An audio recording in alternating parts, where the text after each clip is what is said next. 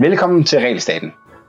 Det er nok ikke gået nogens næser forbi, at vi lever i meget specielle tider. Danmark det er på grund af coronavirus midt i en nedlukningskrise, og derfor sidder jeg og dagens gæst, professor Peter Bjerre Mortensen, også i hver vores hjem og optager dette afsnit af Regelstaten. Og velkommen til Regelstaten, Peter. Tak skal du have. Peter, jeg har inviteret dig, fordi du er, du, du er faktisk den person i Danmark, som jeg kender, der har sat sig mest, i, øh, hvor meget, mest ind i, hvor meget øh, renmængden vokser, og måske især hvorfor den vokser.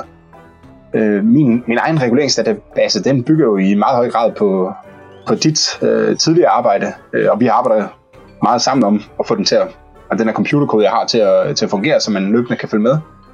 Øh, og jeg kan også sige meget ærligt, at jeg tror aldrig, jeg har fået idéen til at opgøre regelmængden i Danmark, uden, øh, uden blandt andet dit input.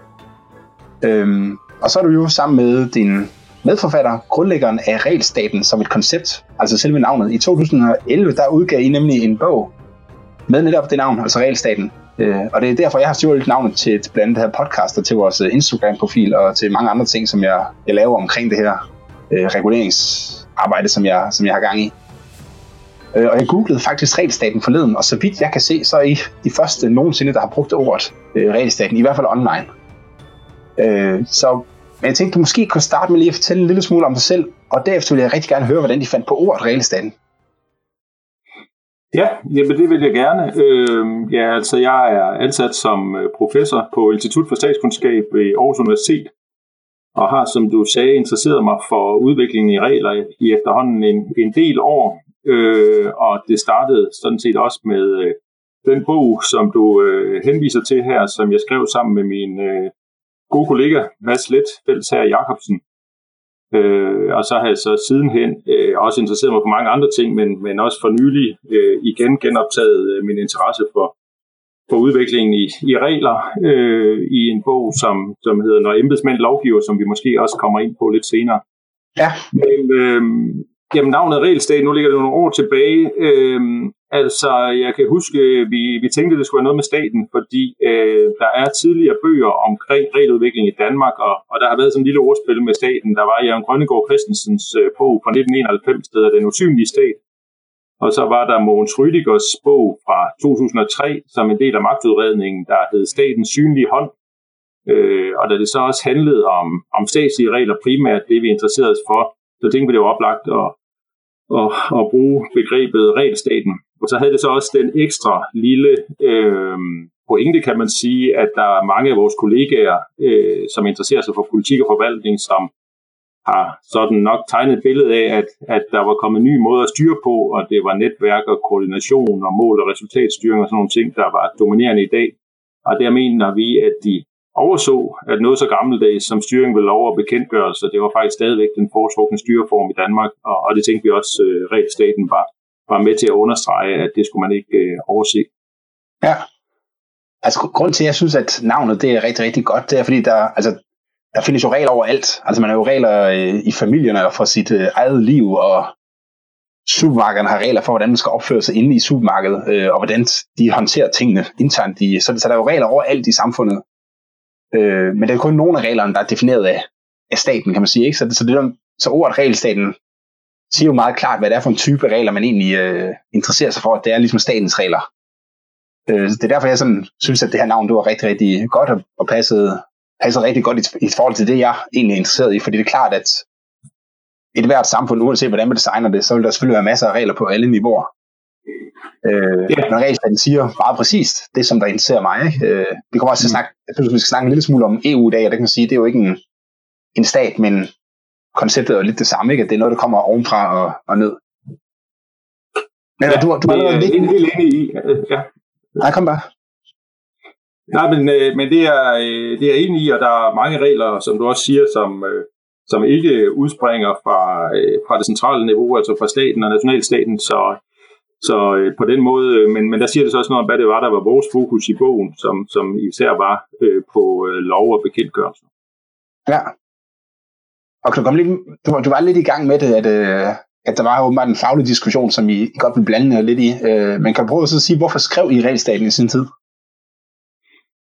Ja, men øh, det begyndte egentlig som øh, mange øh, forskningsprojekter, i hvert fald mange af mine forskningsprojekter, sådan lidt tilfældigt måske. Vi blev bedt om at skrive en artikel til et temanummer om byråkrati og byråkratisering til tidsskriftet Politica øh, tilbage i 2009. Og øh, der fik vi den idé, kan jeg huske, at vi godt ville prøve at lave en optælling af udviklingen i lov i Danmark i den forbindelse. Øh, og det viste sig så hurtigt at være en meget større opgave, end vi havde troet, øh, men også langt mere interessant og, og væsentligt, synes vi, og så søgte vi en bevilling hos øh, det frie forskningsråd øh, om at få nogle penge til at, at lave et større projekt, og det blev det, øh, som blev startskud til, til regelstaten, som faktisk først udkom i 2014, men, men som vi begyndte på øh, allerede nogle år tidligere. Ja. Og der, hvordan, altså hvad er problemet ved at så opgøre reguleringsomfanget øh, på baggrund af antal jord, både, både i praksis, men også i den måde, man anmelder altså anvender optællingen øh, i, sine, i sine budskaber, når man skal sige? Jamen altså det vi kunne se også, da vi gik i gang med at kigge på det, det var jo, at der havde været en del øh, opgørelser af regeludviklingen før. Øh, også sådan et øh, emne som løbende, og det gør det jo egentlig stadigvæk, øh, kommer nogle artikler om, øh, også i diverse øh, dagblade og, og så videre. Og det, det umiddelbart virker det meget nemt at, at opgøre det, fordi vi har en rigtig god database i Danmark, der hedder retsinformation, hvor man kan trække øh, lover og bekendtgørelser, for så vidt også cirkulære øh, centralt fra. Øh, mm. Men da vi kiggede på det, så, så kunne vi se, at, at det var ikke så enkelt alligevel, at man skulle øh, passe lidt på, hvordan man brugte øh, den her øh, database øh, og man kunne komme ret galt afsted, kunne vi også se, at der har været nogle ret fortegnede billeder af, øh, hvordan det egentlig stod til med regeludviklingen i Danmark. Øh, og det synes vi også, det er vigtigt at få skabt et lidt mere solidt grundlag for den diskussion. Ja, altså meget af det der er jo noget, jeg selv har været igennem i forbindelse med, med min reguleringsdatabase. Altså, jeg, jeg, jeg sad også læst lidt i uh, bogen her i, uh, i forgårs, øh, og jeg kunne godt se, at det var faktisk, det var faktisk, det er faktisk en del år siden, eller et par år siden, jeg har læst bogen, men jeg har læst det der øh, bilag 3, eller hvad det er, hvor, og, og metoden har jeg læst rigtig, rigtig mange gange? Fordi, for at få det til at passe med den kode, jeg laver. Men det der med at finde ud af, hvornår en lov starter, og hvornår den slutter, det er faktisk, det er faktisk ikke så enkelt igen. Altså, der, øh, der er virkelig mange ting, man skal tænke over, når man, når man går i gang med det. Øh, der er sådan en helt konkret ting, at de har sådan nogle midlertidige øh, bekendtgørelser, altså som fastsætter et eller andet mm. takstniveau for, for et eller andet år. De bliver jo ikke, som, de bliver jo ikke nødvendigvis ophævet igen. Øh, de kan jo godt ligge der for, for evigt, men de er jo ikke en gældende regel øh, på den måde, som, som vi har talt det op.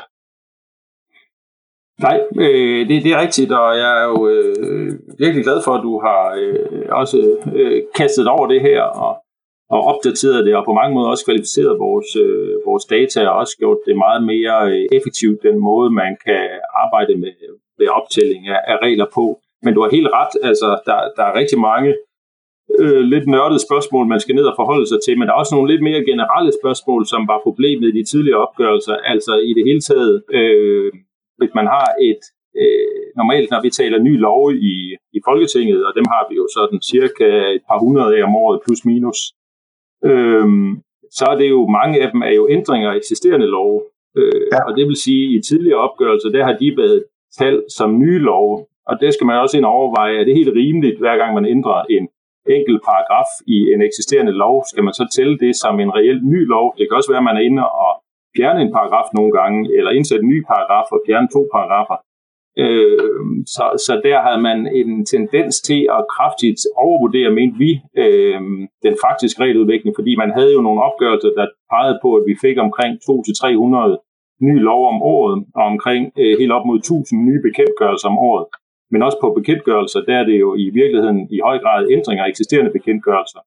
Så det var noget af det interessante, vi fandt frem til, at da vi prøvede at kontrollere for det her, så ligesom kiggede på det, vi kunne kalde nettoudviklingen, altså ja. hvor vi ophævet lov fra reelt nye lov, jamen så var det jo i gennemsnit kun omkring øh, cirka 9 øh, reelt nye lov om året i den periode fra 1989 til 2011, som vi kiggede på, omkring 70 bekendtgørelser om året. Det kan man bestemt stadigvæk øh, mene er et øh, stort antal, men, men vi mener, det er vigtigt, at man, man, man ligesom, er det 10 eller er det 200, vi taler om, det, det er ret vigtigt for, hvad man øh, sætter ind med.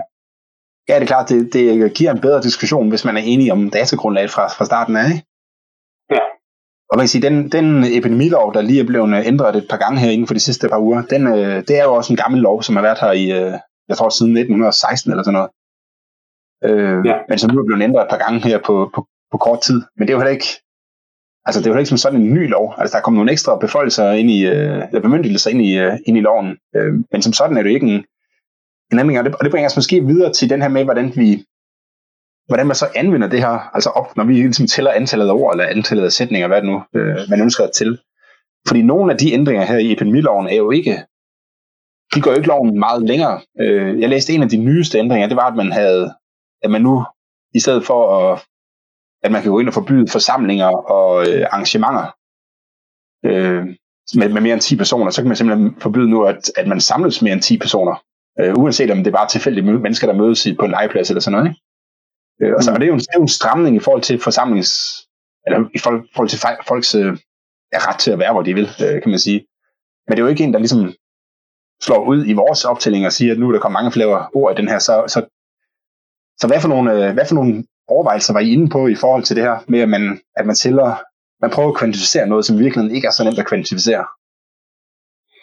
Jamen, det synes jeg er et, øh, et rigtig godt eksempel med den her hastelovgivning, vi har haft for nylig, fordi det er du helt ret i, at der er nogle ting, som kan være ret øh, alvorlige, også alvorlige stramninger øh, af reguleringen, som ikke nødvendigvis øh, giver udslag i omfanget af regulering. Det har vi også for eksempel inden for straffeloven. Øh, altså hvis du hæver strafferammen fra 4 til 8 år, det er heller ikke noget, der giver flere ord, men det kan alligevel øh, have, have store, øh, store konsekvenser. Så øh, det er klart, man skal være lidt påpasselig, når man er interesseret i omfanget, som vi har været, fordi øh, du kan dels have øget regulering, uden at det giver sig udslag i, at øh, loven vokser øh, betydeligt. Du kan også godt have, at et område måske vokser i omfang, uden at det nødvendigvis øh, øh, betyder, at der kommer hård ny regulering. Men det vi gjorde, det var, at vi lavede nogle, øh, nogle enkelte tests, altså vi havde nogle love, vi valgte ud, og så øh, så vi på dem i 1989, og så prøvede vi at kode for, hvor stor en procentdel af loven, der var det, vi kaldte ikke begrænsende tekst. Altså, som ja. egentlig var noget, hvor man kan sige, det var egentlig ikke noget, der indførte øh, yderligere regulering. Øh, og det samme gjorde vi så i 2011, og der fandt vi, at procentdelen var faktisk øh, nogenlunde identisk. Så det vil sige, man kan sige, baseret på det, at i det store billede, hver gang du får 100 nye ord, så er der måske 10 af dem, som i virkeligheden ikke giver ny reel regulering i gennemsnit. Men der er stadigvæk hovedbilledet er stadigvæk, at hvis den vokser i omfang, jamen, så betyder det altså også alt andet lige, at du får mere regulering. Men det er klart, at man skal tage det, altså vores øh, tilgang med at tælle, den er bedre, når vi ser på sådan det samlede antal lov, samlede bekendtgørelse. Man skal ikke hænge sig for meget, tror jeg, i, i de små tal, men, men hvis man kan se, at der kommer 50-100.000 flere ord i en periode øh, i lovene og i bekendtgørelsen, jamen så er det alt andet lige udtryk for, at øh, der også sker en øget regulering. Ja, og jeg, jeg, jeg ved, jeg har nogle, øh, der er nogle i USA, Mercatus, som, øh, som laver noget, der minder rigtig meget om det her. Øh, og de har også talt, talt antallet af regulatoriske ord, kalder de det. Altså noget, hvor der står skal, eller må ikke, eller, eller noget lignende, den, øh, den, den dur. At hvis de tæller det op, øh, så, så, så er der også meget, meget stærk kollision mellem antallet af ord og antallet af gange, der står sådan nogle, altså den type ord, som ligesom kan indikere, at her er der et eller andet, som, som begrænser, øh, begrænser borgerne. Jeg synes, mm. det der kan gøre det rigtig, rigtig svært, det er, øh, det, er det her med, hvor, hvor, hvor omfangsrig den egentlig er, øh, loven, og hvor mange mennesker den egentlig øh, rammer. Øh, og også hvad den, hvilken retning den går i, for vi havde, der, der, hvor der, jeg, har, jeg har, der er to eksempler, som jeg har brugt rigtig meget selv, som er taxiloven og så den nye godskørselslov. Fordi den taxilov, som, øh, som Ole Birk Olesen han fik ændret, den blev faktisk lidt længere, som jeg tror, de fleste er enige om, eller faktisk de fleste, der sætter sig ind i tingene, er, er enige om, at det her det, det var faktisk en liberalisering af taximarkedet. Altså det blev, mere, hmm. det blev mindre restriktivt, men loven blev faktisk længere. Mens, ja. øh, mens godskørselsloven, da man ændrede den, der tog man nogle regler, som galt for lastbiler, og, og udvidede dem til også at gælde for, for varebiler. Øh, og det eneste, man egentlig tilføjede i loven, det var, at, det, at først stod der lastbiler over 3500 kilo, og nu står der lastbiler over 3500 kilo plus varebiler mellem øh, 2.000 og 3500 øh, kilo. Så der kun tilføjer nogle enkelte ord, ikke? men lige pludselig sker det altså for mere, for mere end 10 gange så mange køretøjer. Mm. Så, det, så, det, ja, så det er, altså, det, det er bare noget, man skal være opmærksom på, når man kigger på det, kan man sige. Ikke? Jo, det er det, og derfor er det også øh, fornuftigt at, kan man sige, supplere de her meget sådan, generelle opgørelser med netop det, du er inde på der, altså også dykke ned i nogle love, og, og måske følge dem over tid, øh, fordi det har vi også gjort jo, for eksempel folkeskoleloven, Altså, den, der kan man sige, øh, den er også vokset ganske betydeligt over tid, og, og nogle af ændringerne kan man måske pege på, har ikke haft så store konsekvenser, men samlet set, jeg tror, i den periode, vi kiggede på i regelstaten, der voksede den vel fra omkring 6.000 år til 17.000 år. Altså, den vækst på 11.000 år har alligevel betydet, at der er en række nye krav til folkeskolen og ny regulering, som man ikke havde tidligere. Men, men det er klart, altså, hvordan man lige skal sige, om, om det er meget eller lidt, det, det bliver man nødt til at ind lidt mere præcis øh, overvejelse omkring. Ja, det er klart, det er klart.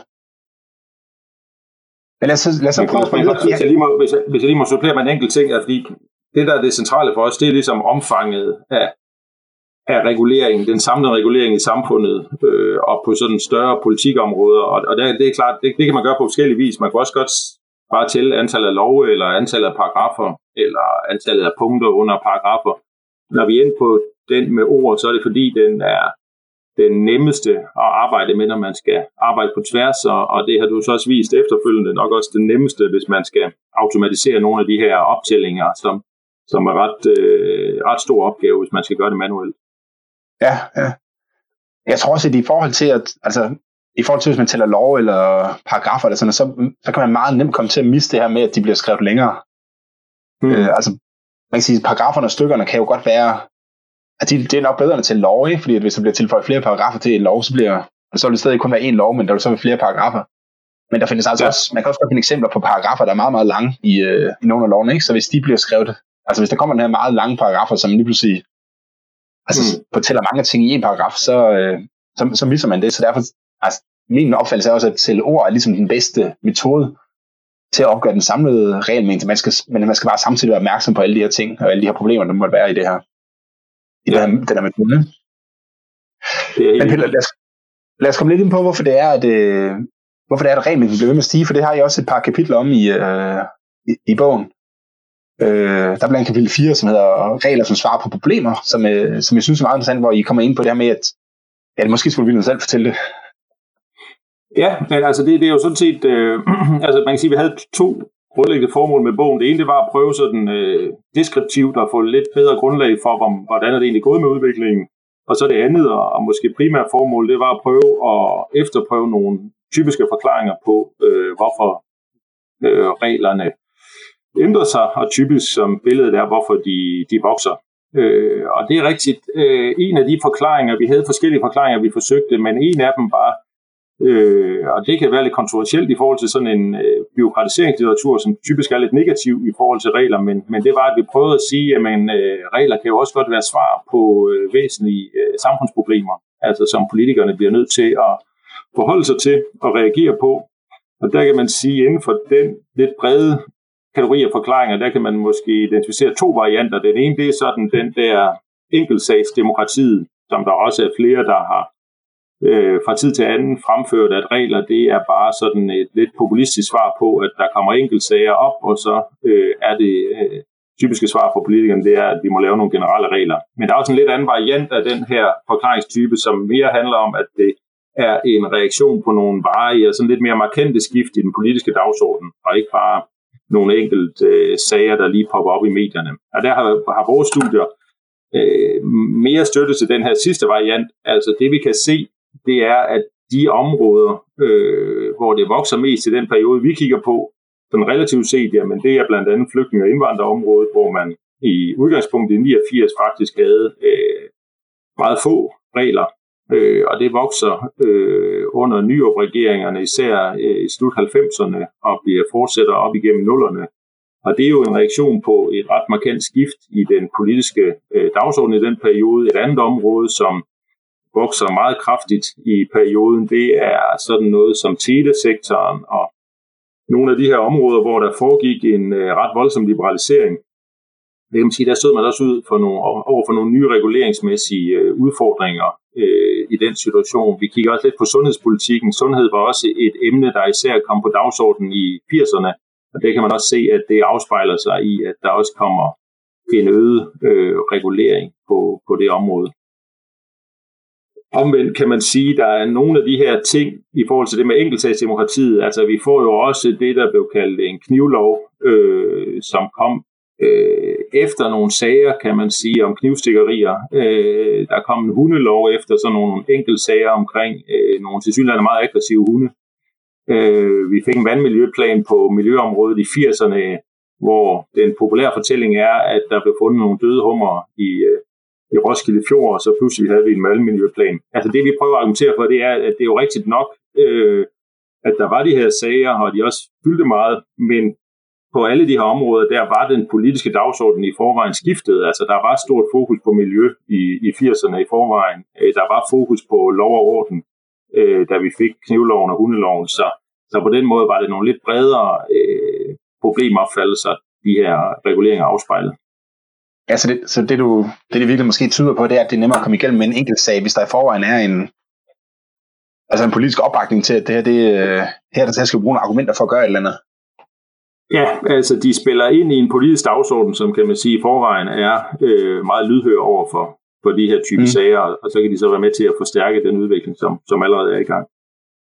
Altså, jeg, jeg tror, jeg har øh, fortalt om det før, men vi, vi vil prøve på at så op, altså, lave det samme projekt i virkeligheden for Sverige og Norge.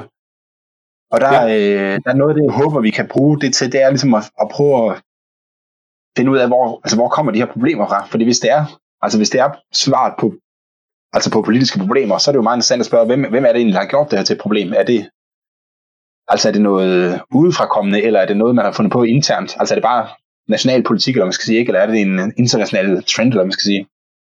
Ja. Så hvis der er sådan noget med, hvis der er sådan lidt, øh, hvis man gerne vil være tough on crime i, øh, i Danmark, er det så, øh, er det så, ser man så det samme mønster i Sverige og Norge, eller, er de, eller kører de deres helt eget øh, løb? Så det ligesom er nogen... fordi det er også, det er også en interessant, synes jeg i hvert fald, øh, hvis man, altså hvis man ligesom opfinder nogle problemer for at have noget at, at lovgive om, eller hvad man siger, ikke? Det synes jeg lyder som øh, utrolig spændende projekter. Vi mangler generelt øh, inden for det her område nogle sammenligninger, øh, systematiske sammenligninger mellem lande, også fordi vi har svært ved at have de relevante data, tror jeg. Og jeg tror, øh, jeg vil øh, umiddelbart forvente, at der er nogle nationale politiske faktorer på spil, men det er klart, altså det her med problemer, øh, jeg tror, vi citerer en gammel øh, professor i statskundskab, Paul Meyer, for i sin tid at have, have sagt, eller han øh, skrev om sådan en lovgivningsmodel, hvor han siger, jamen den starter ved, at lovgivningsbehovet opstår. Og der kan man sige, det er jo ikke helt tilfredsstillende øh, i dag at bare sige, at der opstår et behov. Jeg er nødt til at sige, hvordan er det opstået, og det er jo formodentlig opstået, fordi der er nogle partier, i vores systemer, som har haft en interesse og synes, det var vigtigt at få det på dagsordenen. Og derfor synes jeg også for eksempel flygtninge indvandrere spørgsmålet er jo interessant i Danmark i 90'erne. Fordi umiddelbart øh, kunne det jo godt støtte en anden forklaring, vi også undersøger. Vi undersøger nemlig også, om der er en forskel mellem regeringerne.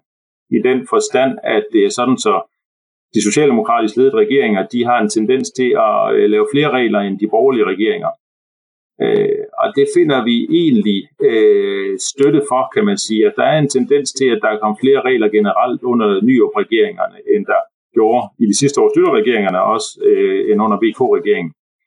Øh, mm. men, men det man skal sige, det er jo, at øh, når der kom for eksempel så mange flere øh, regler på flygtninge indvandrerområdet under nyop-regeringen i 90'erne, så var det jo nok ikke en idé, der var født øh, Altså, der var ikke ideologisk bragt ind af nyopregeringen som noget, man egentlig havde tænkt sig, man gerne ville regulere, men mere noget, man blev presset til at forholde sig til, fordi den politiske dagsorden øh, skiftede, og især fordi der var nogle borgerlige partier, der, der også gjorde meget for at sætte, øh, sætte problemet på dagsordenen. Ja, altså jeg, jeg har lavet øh, samme øvelse der med at se på, på forskellige regeringer, og det der, altså nu, der er jo, der er jo så få regeringsskift i vores datasæt, så det, man skal passe lidt på med at så konkludere for meget på det, men det ser ud som om, at de blå regeringer, når de kommer til, at så, øh, så regulerer, de, regulerer de relativt lidt i, øh, i starten. Men derefter så kommer de til at ligne de, øh, de røde regeringer. Øhm, og hvorfor ved man jo så ikke rigtig vel, men, men man kunne jo godt forestille sig, at de kommer, de kommer til magten og tager en idé om, nu skal vi virkelig, øh, altså, nu skal staten ikke fylde for meget, eller sådan noget, og så på et eller andet tidspunkt siger de så, nej, det, der er faktisk en masse ting, vi er nødt til at, eller vi har lyst til at regulere ved, ikke? Jamen, det er meget interessant det der, øh, og du har ret i, vi har selvfølgelig øh, ikke så mange regeringer at sammenligne, og derfor er det også interessant at udvide det til nogle, nogle andre lande, men, men jeg tror, øh, at der er noget rigtigt i det billede, øh, du beskriver der, og det kommer vi måske også tilbage til at tale lidt om afbiokratisering øh, senere. Men jeg tror, det har noget at gøre med noget, vi også har undersøgt på øh, andre typer af data, men at du som regering er nødt til, altså du bliver hurtigt fanget ind i, at du skal reagere på problemer og på den politiske dagsorden og komme med svar på det. Og der er øh, det at komme med nye regler, det er sådan et, øh, et ret øh, effektivt øh, politisk redskab. Øh, et af de få, man har i, i kassen, også i tider, hvor der ikke er så meget at gøre med økonomien måske. Øh, og derfor mm-hmm. tror jeg også, at borgerlige regeringer kommer lidt ind i den, øh, i, i den situation ret hurtigt. Du lytter til Realstaten. Jeg skal Pille 6, der snakke om de her moderne styringsidéer, øh, og hvordan de har påvirket udviklingen i lov og bekendtgørelser. Og der er specielt en ting, som jeg kunne tænke dig mig at, at tale om med dig om, det er det her øh, dilemma, der man skal sige, øh, der er ved, når man har en, hvis man har et offentligt monopol, så man så siger, at nu skal det øh, markedsliggøres øh, og lægges ud på markedet, altså den regulering, der før var, der før foregik via øh, offentligt ejerskab, den bliver nu lagt ud som lovgivning, der så skal regulere det her marked her, og det, og det så har vi jo igen det her problem med, at vi måler en regel, en stigning i regelmængden, øh, som, som virkelig er en, et udtryk for, at der er færre begrænsninger for, hvad, hvad borgerne i virkeligheden kan gøre, for nu kan de jo så drive virksomheder på det marked her. Og I, I bruger elsektoren, kan du, kan du komme lidt ind på det? Ja, men altså det øh, synes jeg egentlig også selv var et, øh, et vældig øh, interessant resultat. Øh, altså det vi så på, vi, vi kigger på elforsyningsloven øh, over tid, øh, og, og det vi kunne se, det var, at der skete jo en voldsom stigning på det tidspunkt, hvor man forsøgte at åbne øh, elmarkedet op, altså skabe øh, egentlig konkurrence øh, på elmarkedet. Øh, og du har helt ret i, at jeg tror, øh, forklaringen er, og det er også et øh, resultat, som man har fundet øh, på andre områder, også i andre lande, det ligner nærmest en lovmæssighed, altså det er, at når man åbner de her øh, offentlige monopoler op, altså der, hvor du ikke har et naturligt marked, øh, der er det at skabe markedet, det kræver øh, faktisk rigtig mange regler. Øh, og derfor er det også, øh, du kan godt sige, at, at det igen rejser spørgsmål om, hvad er det så for en type regler, øh, vi har med at gøre her, og, og er det egentlig begrænsende regler? Øh, det, det tror jeg, jeg vil holde fast i, at, at jeg vil se dem sådan. Øh, men det gør jo, at der nogle gange er nogen, der har sat en falsk modsætning op. Jeg kan huske, Produktivitetskommissionen havde som en af deres øh, anbefalinger, at man skulle øh, have færre regler og skabe mere konkurrence. Øh, og, og det overser jo i hvert fald, at der er den her sammenhæng mellem, at mere konkurrence, det kræver faktisk flere regler. Øh, så der er ikke nødvendigvis nogen modsætning mellem regler og konkurrence. Og vi har også en, en bog tilbage fra 90'erne, som har den her meget sigende titel Freer Markets, More Rules. Altså, at, at, at, at det bliver man nødt til at indse, at, at hvis man vil skabe konkurrence, jamen, så kræver det regler. Og, og hvis jeg lige skal slå den sidste sløjfe på det, så har man nok også overset, at egentlig traditionelle byråkratier, altså hvor du har det inden for et offentligt monopol, og hvor man kan sige, det er en del af det offentlige hierarki, jamen det er jo egentlig ud fra sådan en regelbetragtning et meget øh, effektivt og ubiokratisk system. Altså det kræver ikke ret mange regler. Ministeren kan sådan set bare øh, ja, øh, diktere, hvordan det skal være, eller et politisk flertal, og, og så øh, fører man det ud i livet. Øh, hvor det her med at trække det ud af det system, det kræver nogle regler for at få det til at fungere. Ja, altså, jeg synes så, det, hvis bare ser ud på sådan en regelmængde øh, opgørelsessynspunkt, så, så fordelen ved det komme ud på det private marked, i, i stedet for at være i det offentlige, dermed så, så kan man jo følge, hvordan nye tendenser, de ligesom begynder at påvirke øh, regelmængden på det marked, fordi I kigger jo på, altså det I først ser, det er, at når man, da man begynder at, at liberalisere markedet, så kommer der en hel masse regler, som ligesom skal altså beskrive, hvordan det marked her skal fungere, øh, og sikkert også øh, styr på nogle monopoler og sådan noget på markedet, ikke? Hmm. Men, efter, men efterfølgende kommer der alle mulige regler om, hvordan det, altså, hvordan, som, som vedrører ved, øh, vedvarende energi, for eksempel, som var sådan nogle ting, som man, som man, som man godt kunne have haft inden i øh, Dong, som nok var den primære her, øh, men som nu bliver lidt målbare i reglerne, man skal sige. Jeg ved ikke, om du kan følge, hvad, følge, hvad jeg gerne vil. Jo, det er, det er rigtigt. Altså, hvis, hvis det, du øh, mener, er, at der også kommer mere transparens og gennemsigtighed. Ja, præcis. Præcis, ja. Øh, men, men derfor er vi jo heller ikke, og det er jo sådan en vigtig præmis for vores bog, øh, at modsat nogle af, af sådan den klassiske tilgang til regler og byråkratisering, sådan sådan entydigt negativ, altså regler er, er beautiful, altså det, det mener vi jo ikke. Altså, der kan være mange af de her regler, hvor man kan sige, har haft nogle positive effekter, og så kan det også være den der effekt, som du peger på, at det simpelthen bare giver mere øh, gennemsigtighed øh, ja. og transparens, at man får det som nogle generelle regler øh, frem for de her mere lukkede. Det, det synes jeg, der har været noget øh, tendens til i forbindelse med med nogle af de diskussioner, der har været på, på det seneste om, øh, om salg af sådan noget offentlig øh, infrastruktur. Øh, offentlige virksomheder, sådan noget, hvor der har været en, en, ligesom en fløj, der, der siger, at det, vi er nødt til, det er så vigtigt det her øh, for forsyningssikkerheden, eller hvad det nu kan være, at vi er nødt til at holde det på, altså holde det offentlige ejerskab. Hmm. Man kan sige, men fordelen ved at komme ud i private ejerskab er jo, så hvis man, altså hvis man gerne vil styre det her, øh, for at sikre forsyningssikkerheden, eller, eller hvad det er, altså, så er man ligesom nødt til at skrive ned i lovgivning, som folk så kan gå ind og så og forholde sig til at kritisere, og der, der er nogle høringer omkring det og sådan noget, ikke? før man, altså for at, så det bliver, ja, lige præcis, der bliver større gennemsigtighed, synes jeg, ved at det bliver, altså ved at det bliver privat ejet, men stadigvæk styret af, af det offentlige gennem regulering. Ja, med den tilføjelse, at det afhænger måske lidt af, hvordan man så regulerer det, og, og det kommer vi måske også ind på lidt senere, men om det sker ved lov, eller det sker ved bekendtgørelse, der er også nogle forskelle i forhold til, til processerne øh, omkring. Ja, det, det, er jo, det er jo en del klog på i forhold til, øh, jeres nye bog. Ja. Øhm, I har også et, nu tiden går jo, men øh, jeg kunne egentlig godt tænke mig meget kort lige at så rundt den her med EU's øh, betydning for regelvæksten i Danmark, fordi I er, i forhold til de historier, der har været frem, der, øh, der er en lille smule mere altså positiv over for EU, eller man skal sige, øh, eller skeptisk over for Folketinget, man skal sige. Øh. Men i hvert fald det der med at bare skyde skylden på EU, er ikke, øh, det er ikke så nemt igen i jeres øjne, så vidt jeg husker.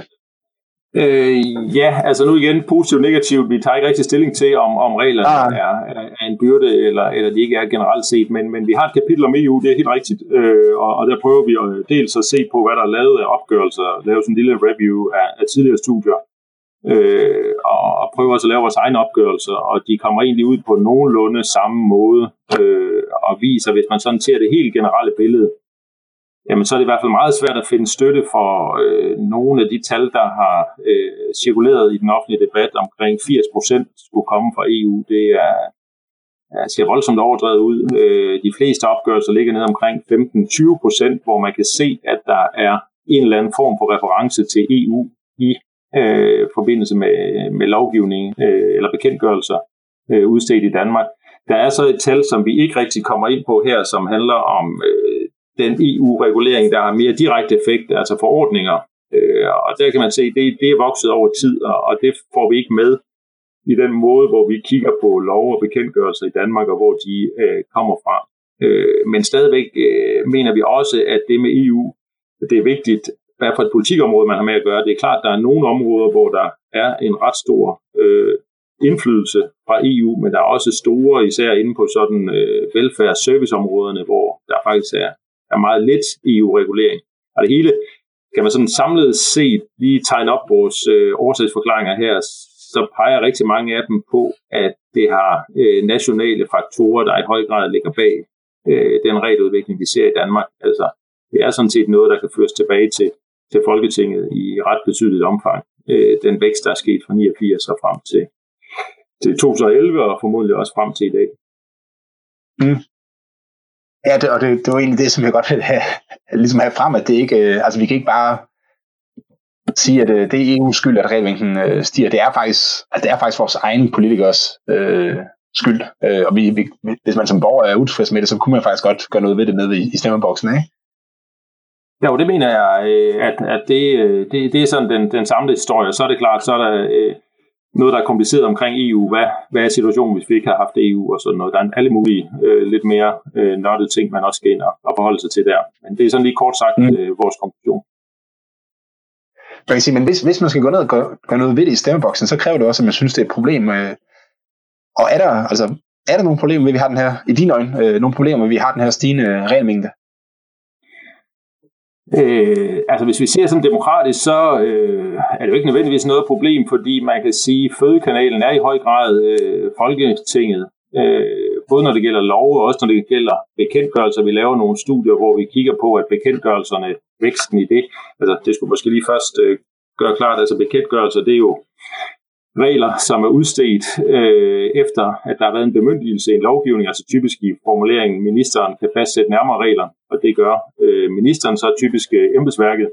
Øh, men der kan vi jo se, at det er lovene, der sådan driver det. Det først ændrer man lovene, og så bliver bekendtgørelse ændret bagefter. Det hele er sådan til Folketinget, det kan føres tilbage til. Så det er jo øh, vigtigt i et demokratisk øh, perspektiv. Øh, så er det også vigtigt, synes jeg, at det reelt antal nye lov ikke er så stort, som man nogle gange har hævdet. Altså reelt ni nye lov om året, det kan man stadigvæk øh, argumentere for for meget, men det er jo ikke sådan, kan man sige, at fordi Folketinget er gået lov amok på den måde, øh, som man nogle gange har, ja, ja. hørt det.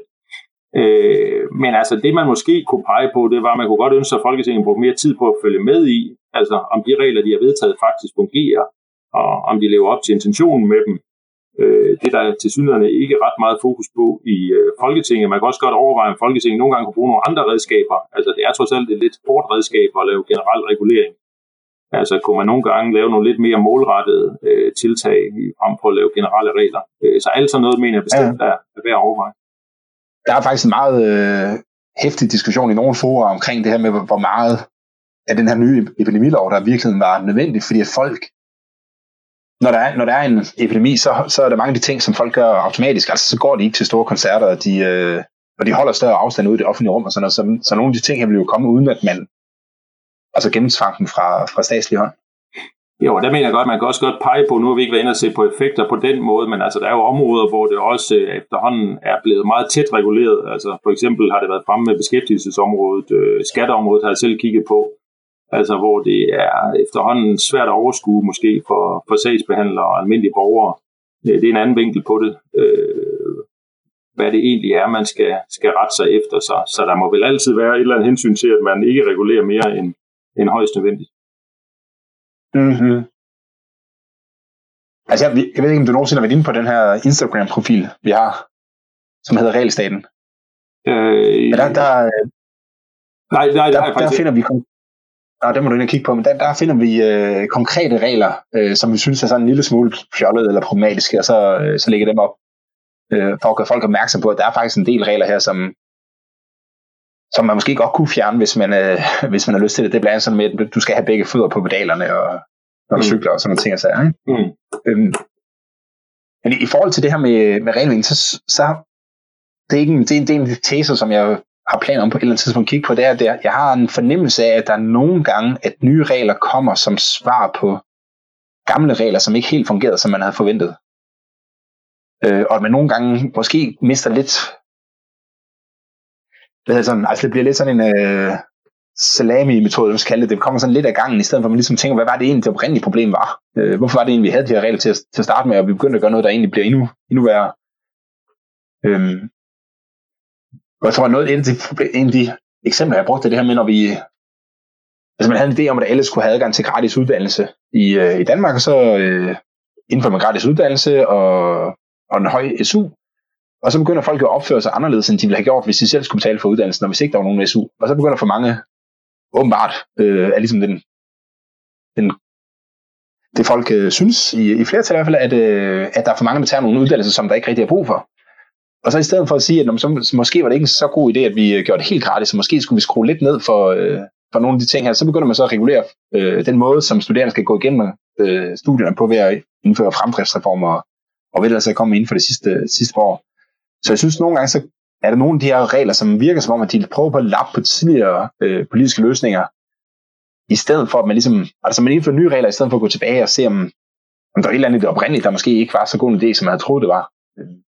Men det der er jo jeg stærkt, mig på det her. Jo, det er stærkt følge dig, og jeg vil også sige, der er stærkt både sådan teoretisk belæg for den hypotese, og nok også empirisk. Altså, øh, dels er det jo nok sådan, man generelt træffer beslutninger, også politikerne. Altså, man tager afsæt i, hvordan det øh, ser ud nu, og så laver man nogle inkrementelle øh, tilpasninger af, af situationen, og det tror jeg også det går sig gældende på, på reglerne. Jeg tror også, det går sig gældende, at man har et lidt selektivt fokus. Altså, ikke sådan, man sætter sig ned og overskuer hele situationen, men man har nok fokus på et delproblem inden for et område, og så regulerer man det, eller tilpasser det, og så kan det være, at det giver nogle afledte problemer på, på andre øh, områder. Og der er også i litteraturen om regler det her, man kalder en negativ mæthedseffekt.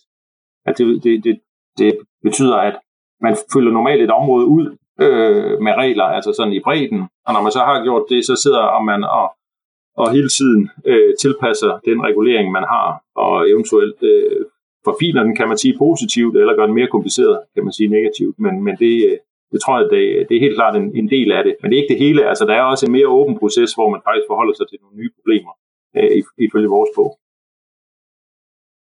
Ja, hvis jeg, hvis jeg lige skal den, øh, det her er, så er det også, altså hvis man går ud og kigger på de her, på de internationale studier, der er, hvordan regulering det påvirker samfundet, øh, så, er der, så er der altså også relativt meget dokumentation for, at, øh, at de her regler, de meget, meget tit har en, en negativ effekt på, på væksten. Og der kan man jo sige, at altså, vækst er jo ikke målet i sig selv, men, men min opfattelse af vækst er egentlig, at når folk hjælper hinanden, så opstår der vækst. Altså hvis der er en, der har problemer, der er en anden, der siger, at det kan jeg faktisk løse for dig, øh, jamen så, så er det jo en, så, så opstår vækst. Øh, så hvis regler går ind og påvirker væksten, så kan det være et signal om, at, at de måske forhindrer at folk i at hjælpe hinanden på, på bedst mulig vis. Øh, og der synes jeg, at der var en, øh, et sjovt eksempel herop til coronaepidemien med en, øh, med en virksomhed, de ikke kunne få lov til at lave håndsprit, øh, fordi man skulle have en eller anden godkendelse, som øh, jeg ved ikke præcis i detaljer, hvad det delt, hvad det, hvad det galt, men det var en eller anden EU-regulering, og det efter en uge, tror jeg, eller otte dage efter, at øh,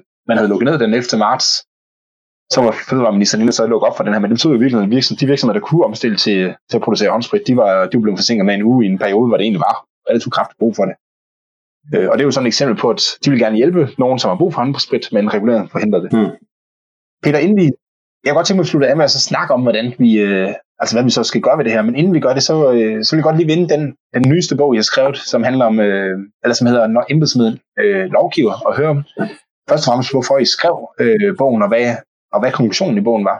Ja, jeg skal prøve at gøre det øh, kort. Altså det var en øh, bog, jeg har skrevet sammen med mine øh, gode kollegaer Jørgen Grønnegård Christensen, Helene Helbo Petersen og Jørgen Albæk Jensen. Øh, og det var øh, baggrunden var, at Folketingets præsidium tilbage i 2018 lavede et opslag, hvor de gerne vil støtte et forskningsprojekt, som så nærmere på brugen af bemyndigelser i dansk lovgivning. Altså den her situation, hvor Folketinget siger, at ministeren fastsætter nærmere regler, og som så typisk bliver omsat til bekendtgørelser. Og det mente vi var væsentligt problemstilling, ja. og, øh, og fik så også udbuddet. Øhm, og øh, det, det er sådan lige kort sagt øh, baggrunden for det, øh, for, for, for det her projekt, og hvor vi kan, også har kan du prøve? stor glæde, må jeg lige tilføje af dine øh, nyeste øh, dataindsamlinger på området. Det, det var meget gerne til. Kan, kan du lige prøve at sige, fordi det her det har jeg snakket med et par gange om, med nogle forskellige personer, med hvad?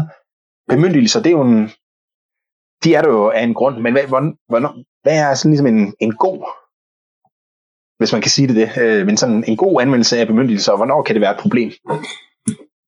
Øh, ja, altså det er jo spørgsmålet, om det er den øh, helt øh, gode måde, eller hvad man siger, nyttige måde at angribe det på. Jeg tror ikke, vi generelt kan sige, hvad der er god og dårlig anvendelse af bemyndigelse. Altså det man, kan man sige, principielt, så møder man ofte synspunktet, at de væsentligste, måske de mest principielle forhold, de bør reguleres i selve lovene.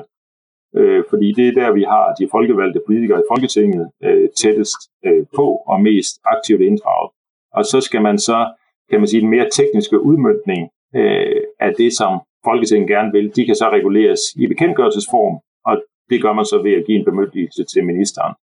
Øh, I praksis er det billede, vi finder derovre, at det er langt mere mudret. Altså det er ikke sådan, man generelt øh, kan sige, at, at opdelingen er på den måde, og, og et andet resultat af vores studie er også, at det er ret svært at finde de her principielle overvejelser og diskussioner i Folketinget om, hvorvidt man bør regulere ved lov eller ved bekendtgørelse.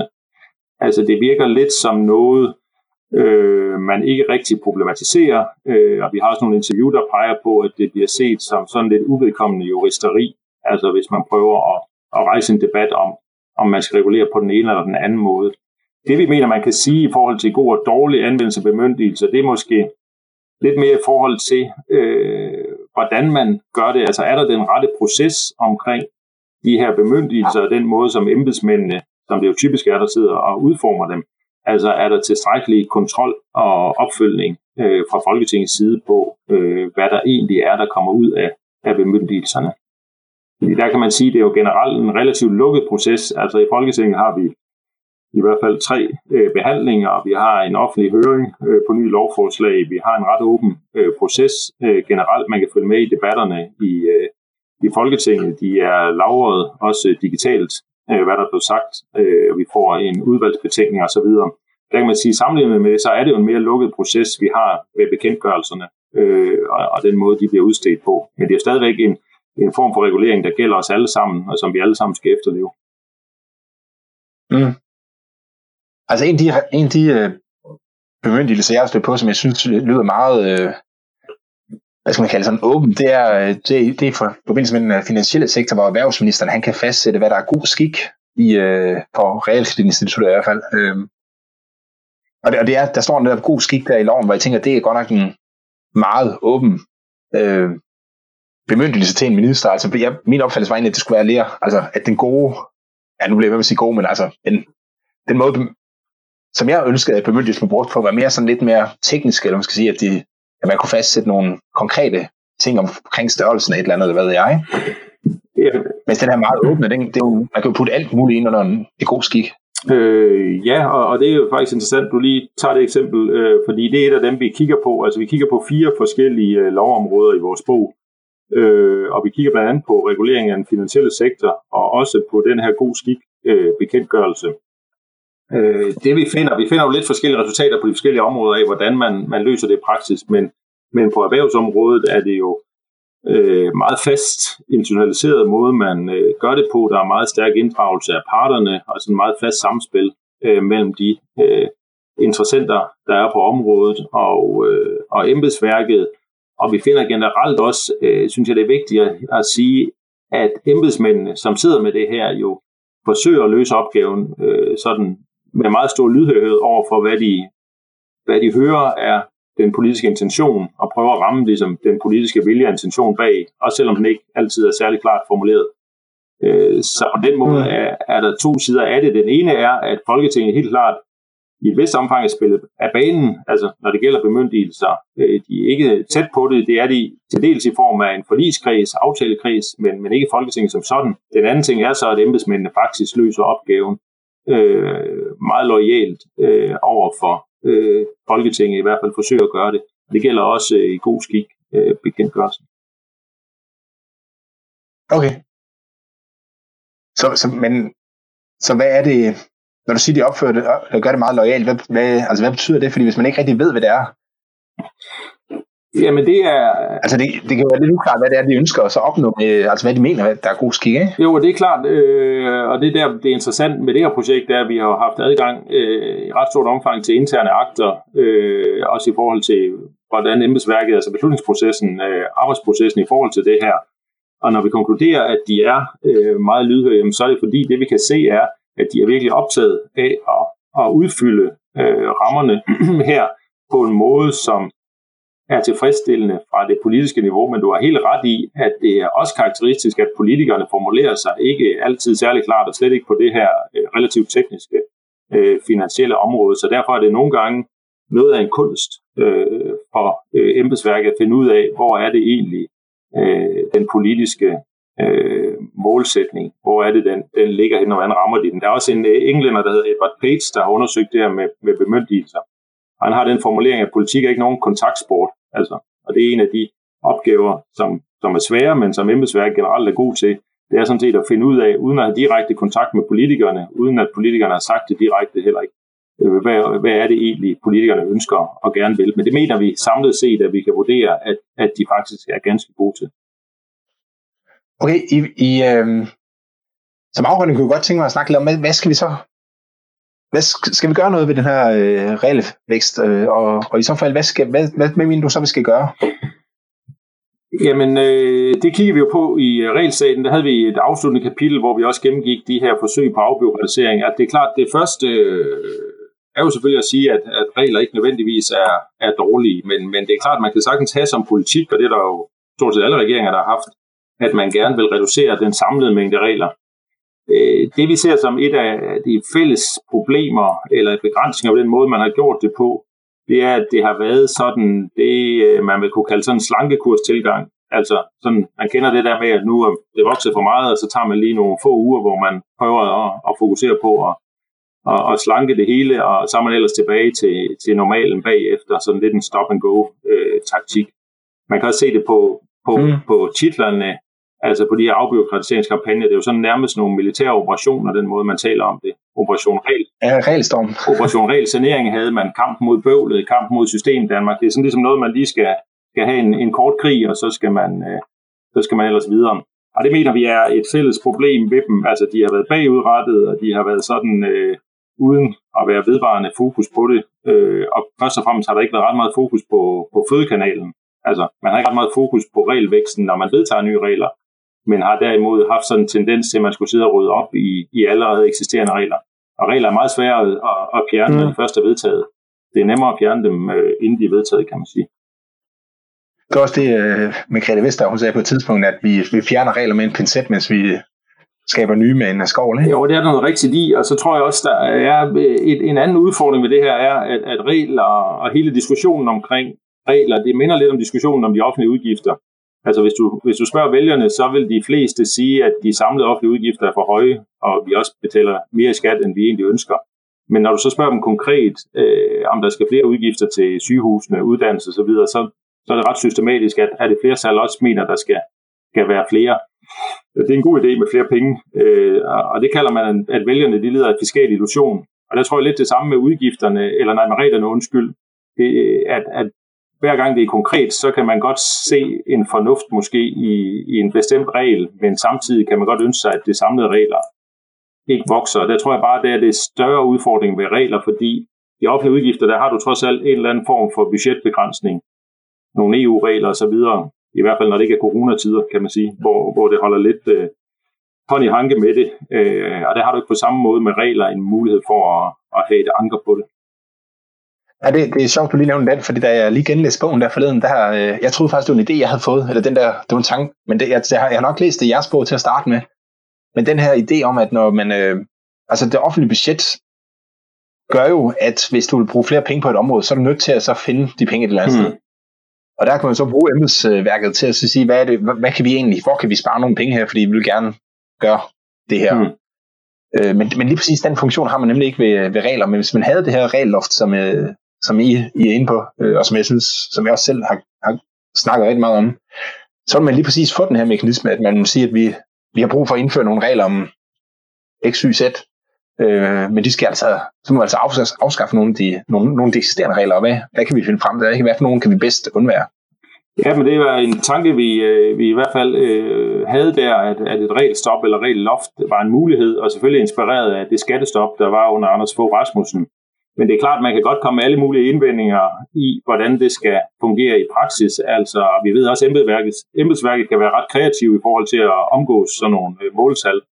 Øh, og man kan begynde at diskutere bag en regel. Og, og, man, man kan forestille sig alle mulige omgåelser, men jeg tror måske stadigvæk, at hvis man virkelig vil, så det der var sagen med skattestoppet, det var jo, at det satte fokus på, på skattesiden, kan man sige, udgiftssiden, i selve beslutningsfasen. Og der kunne et regelstop måske sådan være med til at vende lidt øh, det fokus, man har, øh, når man vedtager nye regler, at man ligesom fik lidt mere øh, fokus på, at, at den samlede regelmængde også var vigtig at, at tage hensyn til.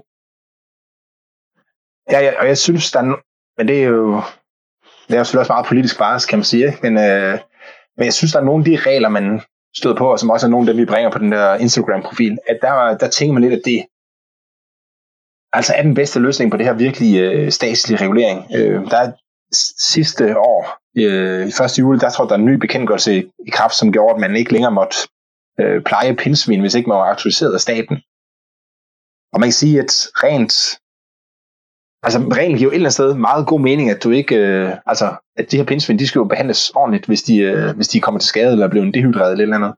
Men at have, have selve reglen, synes jeg på en eller anden måde, altså jeg kan ikke rigtig se værdien i det, øh, fordi at folk har jo, altså hvis ikke du ved, hvordan du, hvis ikke du ved, at du ikke må give et pindsvin mælk, så ved du sikkert heller ikke, at den regel overhovedet eksisterer, vel?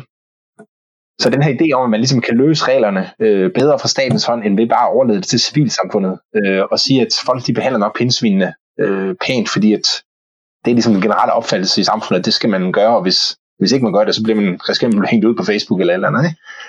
Så jeg tror nogle gange, så er der en meget... Altså, det er, jeg tror, det er en grund til, at jeg synes, det her regelloft det er rigtig godt, det er, fordi sådan nogle regler der, jeg tror ikke, det vil skade, hvis man fik fjernet den slags regler. Altså, jeg tror ikke rigtig, de gavner noget som helst. Øh, om potentielt kan de kan måske skade, hvis man begynder at bruge det sådan nogle nabofighter og angive hinanden for, for at pleje pindsvin, eller hvad det, hvad det kunne være. Man kan sige, måske kunne et regelstop altså gøre, øh, at der skulle lidt mere til, før man vedtog øh, nye regler, altså lidt mere argumentation, øh, kunne, kunne man i teorien forestille sig. Øh, jeg tror, det du øh, har med, med de eksempler, du finder der, med, med regler, som, som umiddelbart virker øh, overflødige i, i bedste fald, Altså, men, men de viser vel også netop, at, at det er bare svært. Altså, og det er jo det, der har været svært ved alle afbiokratiseringskampagner, der er bagudrettet. Det har været sådan en, øh, en tilgang, hvor man skulle sidde lidt i rundkreds og, og blive enige om øh, alle sammen, hvad der var dumme og overflødige regler. Og det er der bare ikke ret mange. Altså, der skal nok findes nogen, som mener, at den regel om pindsvin er, øh, er en god øh, og nødvendig regel, øh, når først vi har den i hvert fald. Øh, det, det kan jeg garantere dig. Jo, jo, og derfor viser det, at, at selvom du, øh, du har dine, dine mange eksempler der, så, så tror jeg ikke, det kommer til at, at betyde ret meget, fordi øh, den der bagudrettede øh, tilgang, den, øh, der er erfaringen bare, at det er ikke ret meget, man kan, man kan, man kan hente der. Og vi har også mange eksempler, altså jeg kan også huske, der var elevplaner, øh, som vi fik på folkeskoleområdet, øh, hvor jeg mener, at øh, jeg ikke helt hænge mig op på det ved nogle år siden, men, men jeg mener, at lærerne i udgangspunktet var, var, var negative og så det som unødvendigt øh, byråkrati, øh, og, og hvor der var nogle forældreorganisationer, der sagde, at det var bestemt noget, de mente var meget væsentligt. Altså, øh, og derfor tror jeg bare, at man har lidt glemt, altså når regler bliver vedtaget, så er det jo klart politik, altså hvor der er nogen, der ønsker det, og nogen, der ikke ønsker det. Men når regler skal ophæves, ophæves ja. så er det som om, man ser det som noget øh, upolitisk, altså noget, som vi alle sammen skal være enige om. Øh, og det er lidt sjovt, man har den skældning mellem, at, at så bliver regler lige pludselig noget, der ikke er politisk, øh, når det handler om afbiokratisering. Altså, da jeg, da jeg skrev på Facebook, da den regel med pindsvin trådte i kraft, øh, at det her, det var, synes jeg var et eksempel på en regel, hvor staten ligesom, altså, så jeg synes, det, der, der skete to ting. Den ene ting, det var, at folk ligesom per automatik troede, at jeg havde pindsvin. hvilket overhovedet ikke var, var budskabet. Øh, og, øh, og så den anden ting er, at diskussionen går meget hurtigt over på, om, altså om, om reglen er moralsk rigtig, eller man skal sige, øh, i stedet for om den har en, en, den ønskede effekt i virkeligheden. Ikke? Mm. Fordi jeg tror, at alle kan jo blive enige, enige om, at, eller langt flere, end der bakker op om reglen, kan blive enige om, at selvfølgelig skal man øh, altså tage sig pænt af, af pindsvin og sådan noget, men, men reglen skal jo også på en eller anden måde have en effekt, for at det giver gavn at have den, og, og den positive effekt skal overstige den negative effekt. Øh, og det, der er nogle af de regler, hvor jeg tænker lidt, kan vide, kan vide, om man kan være sikker på det, fordi man kan også forestille sig sådan nogle altså afledte konsekvenser af det, som, øh, som er uønsket. Ikke? Altså at folk ser et eller andet pindsvin, og tænker sig, at skulle jeg, skulle jeg gøre alt det her, og sige, åh, så skal jeg til at finde en autoriseret, så ja, det kan også være, en klarer sig mm. selv. Ikke? Så man kan sagtens, man kan sagtens digte alle mulige uh, uønskede konsekvenser ind i, ind i hovedet, som jeg ikke er sikker på, at der er nogen, der helt har overblik over, om det altså om den samlet set gavner eller, Men jeg tror bare, eller skader sådan en regel. Jeg tror nu, nu kunne jeg ikke lige huske, om du sagde, om det var en bekendtgørelse eller en lov, øh, det var reguleret i. Det er ja, okay. Men, men ellers vil jeg sige, jeg tror også, altså en anden syn på, at de der afbiokratiseringskampagner har haft så lidt effekt, øh, det er jo også, at det er meget få regler, trods alt, der sådan er øh, åbenlyst tåbelige. Altså der har helt sikkert været et argument for den regel om, om pindsvinet på et tidspunkt, der i hvert fald hvis det har været lovgivning, så har det været igennem tre behandlinger og høringer osv. Så, så, så der har været et eller andet, man kan så diskutere, om den, det argument stadigvæk er til stede, om det var stærkt nok osv. Det, er jo, det er jo i langt grad en politisk diskussion. Men, men det er der, hvor man kan sige, at et regelstop eller regelloft måske kunne lige øh, hæve varen en lille smule i forhold til, hvad der skal til, før man får en regel. Øh, sammenlignet med nu. Peter, aller sidste spørgsmål. Hvis du øh, var diktator i Danmark, ville du så indføre et regelloft? det er heldigvis ikke, og det håber jeg aldrig, vi får. Øh, Nej, det vil jeg ikke, men jeg vil, det vi gør i bogen, det er jo at sige, at hvis de her regeringer, som vi har haft, som alle sammen ønsker øh, til synlædende, at der skal gøres noget ved regelmængden, øh, så synes jeg, det er et redskab, som de skulle prøve, og som vi stadigvæk mangler at se, øh, hvad det kunne øh, føre til. Og så kunne man også prøve en anden ting, øh, og det var at sige, at vi skal ikke have flere regler, end vi har i dag. Fordi hvis man nu går tilbage og siger 1989 eller i 83, hvor Slytter han startede det her, hvis han havde sagt i stedet for, at det skulle være nemmere at være dansker. Der har sagt, at det skulle ikke være sværere, eller vi skulle ikke have flere regler. Så ville det have været en meget ambitiøs udmelding, fordi imens de har snakket om færre regler, så kan man bare konstatere, at det er vokset hele vejen. Så i virkeligheden vil det mest ambitiøse ja. være at sige, at vi skal ikke have flere, end vi har i dag. Og det vil jo så reelt være et reelt stop, kunne sige. Ja, ja. Peter, tak fordi du øh, ville deltage i mit øh, podcast. Det var, det var meget spændende. Ja, selv tak. Jeg blev, også, jeg blev til klogere, der var nogle ting, som jeg kan huske, jeg havde, ja, som jeg blev opmærksom på, at jeg havde glemt. Øh, og der var også nogle idéer, som jeg ligesom fik øh, bevis for, at det ikke var min egen, men det var faktisk nogen, der havde læst et andet sted. Men sådan er det jo tit med idéer. Ja, men jeg ser frem til, og jeg har fået mange idéer, og også meget hjælp af, af dit store øh, arbejde med at indsamle regler, så det ser jeg frem til at, at følge i årene fremover. Det er, det er jeg glad for at høre. Og til jer, der sidder derude og lytter med, så tak fordi I lytter med. Jeg håber, I vil gå ind og like og rate Regelstaten på iTunes eller Google Podcast, eller hvor I nu hører jeres øh, podcast. Det betyder rigtig meget for mig. I er også meget velkommen til at skrive kommentarer og stille spørgsmål i Facebook-gruppen, der hedder Regelstaten. Øh, eller sende mig en kommentar på min mail, som er herby I må selvfølgelig også meget gerne komme med forslag til interessante personer, som I synes, jeg skal tale med om regler eller byråkrati, eller deres indvirkning på samfundet. Tak for i dag.